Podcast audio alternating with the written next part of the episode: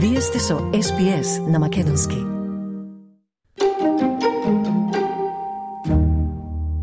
На последниот ден од форумот на Пацифичките острови, регионот дава слика на единство додека се обидуваат да донесат одлуки за неговата еднина. – регионот на кој му се заканува ескалација на бури, ерозија на крајбрежјето и изголемување на нивото на морето, организираше откривање на долгорочна стратегија поддржана од неговите лидери. Премиерот на Фиджи, Френк Байнамарама, вели дека планот вклучува единство меѓу пацифичките нации и дека оваа стратегија е за нашето минато, оваа стратегија е за нашата сегашност и секако за нашата иднина, рече Байнамарама. This strategy is about our past. It is, it is about our present. And it is certainly about our future. It is about how we work together as communities as countries and as one blue Pacific continent. The 2050 strategy is about what we share in common, our challenges, our opportunities, and what we need to do together. This is why the 2050 strategy focuses on our people. It is our people who have sent us here to deliberate on their behalf. Целта на владата на Албанези за намалување на емисиите за 43% до 2030 година беше поздравена од лидерите на Пацификот, но тие продолжуваат јавно и приватно да ја притискаат Австралија да ги зголеми своите климатски амбиции.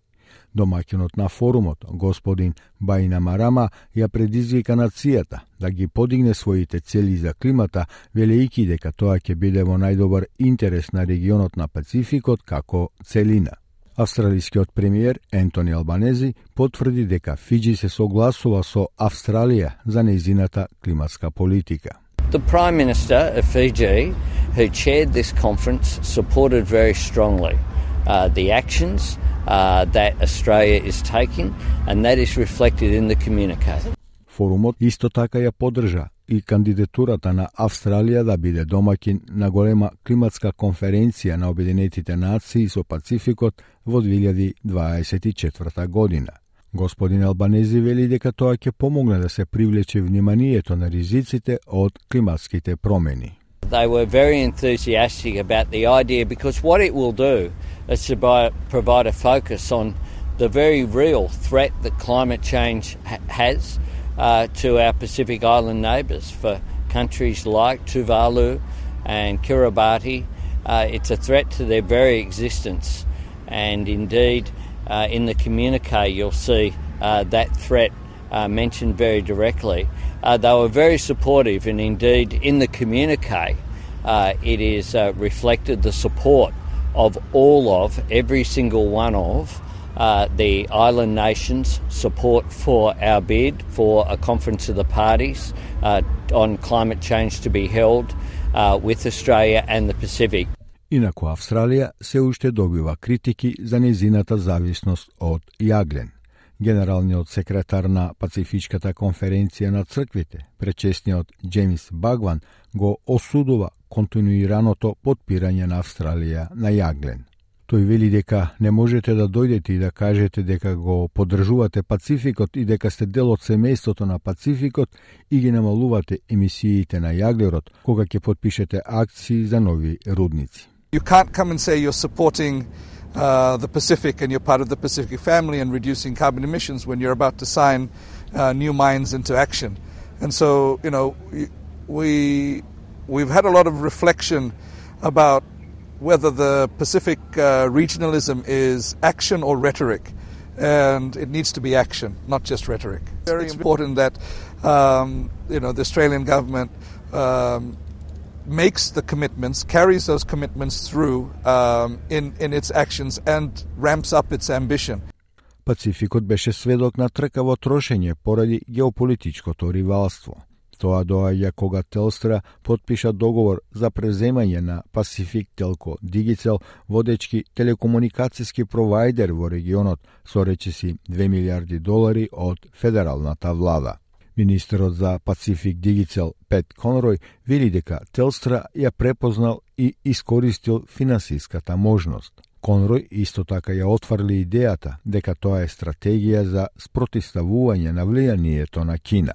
Додава дека и понатамо ќе поддржуваат понатамошни висококвалитетни инвестиции од австралијски компании во регионот на Тихиот океан дека обезбедиле подршка преку корпорација за осигурување за финансии за извоз и тоа е нешто што се прави широм светот и дека тоа е често стандардна практика за сделки од тој вид. We support further high quality investment from Australian companies into the Pacific region. We've provided support through the Export Finance Insurance Corporation, uh, and that's something we do around the world. Uh, it's, it, it's often a standard practice for deals of this sort.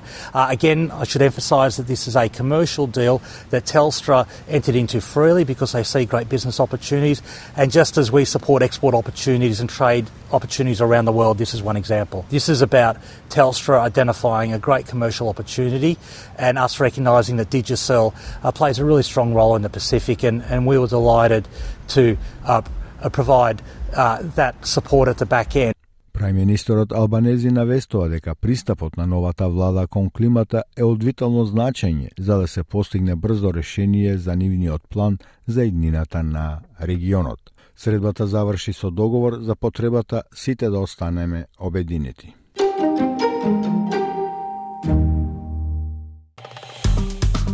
Стиснете, ми се допаѓа, споделете, коментирајте. Следете ја SPS на Македонски на Facebook.